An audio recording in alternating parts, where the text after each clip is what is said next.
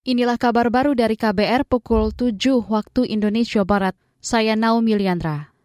Saudara, para pelapor pelanggaran etik Ketua MK Anwar Usman kecewa atas putusan Majelis Kehormatan Mahkamah Konstitusi MKMK sebab hanya memberhentikan Anwar dari jabatannya sebagai Ketua MK.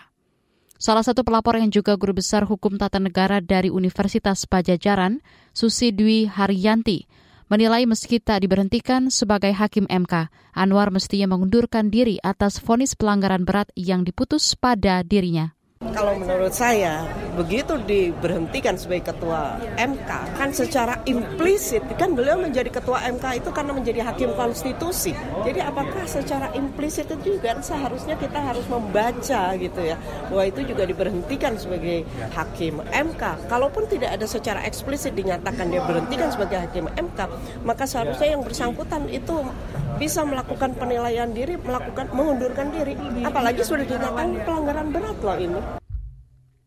Pelapor Susi Dwi Harjanti juga mempertanyakan sikap MKMK yang menyatakan ketentuan pasal 17 ayat 4 Undang-Undang Nomor 48 Tahun 2009 tidak berlaku untuk MK. Padahal pasal ini telah mengatur dengan jelas bahwa ketua majelis hakim dan hakim anggota wajib mengundurkan diri dari persidangan apabila terikat hubungan keluarga sedara atau semenda sampai derajat ketiga dengan pihak yang diadili. Kepolisian daerah DIY berhasil menggagalkan tindak pidana perdagangan orang TPPO dua pekerja migran Indonesia yang akan dikirimkan ke Qatar secara ilegal. Keduanya merupakan ibu rumah tangga asal Purwakarta dan Bekasi, Jawa Barat.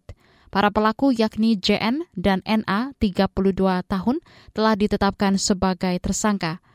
Wadiraskrimum Polda DIY Tri Panungko mengatakan peristiwa terjadi saat tim opsional Jatanras di Treskrimum Polda DIY menerima informasi dari kantor imigrasi dan BP3MI Bandara YIA tentang penundaan keberangkatan terhadap tiga orang dewasa dan satu anak-anak berumur enam tahun sebagai calon penumpang pesawat Air Asia tujuan Singapura sebagai pekerja migran Indonesia tanpa dokumen sah.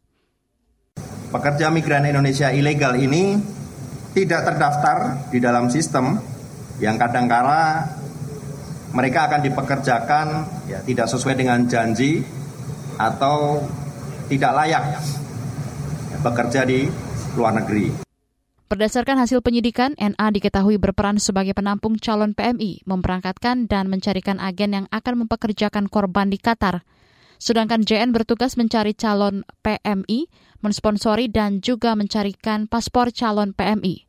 Atas perbuatannya, NA dan JN dijerat Undang-Undang tentang TPPO dengan ancaman pidana penjara paling lama 15 tahun dan denda maksimal 600 juta rupiah.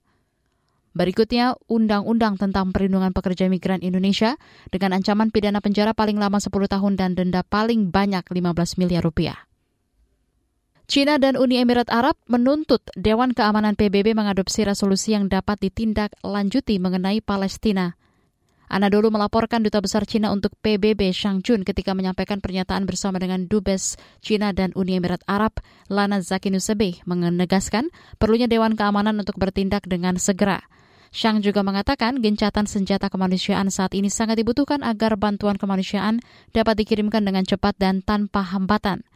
China saat ini adalah Presiden DKPBB yang untuk keenam kalinya kembali mengadakan sidang darurat untuk membahas situasi di Gaza. Sementara itu, Dubes China dan Uni Emirat Arab, Nusebe, mengatakan serangan terhadap fasilitas sipil di Gaza merupakan pelanggaran hukum internasional. Demikian kabar baru dari KBR, saya Naomi Liandra.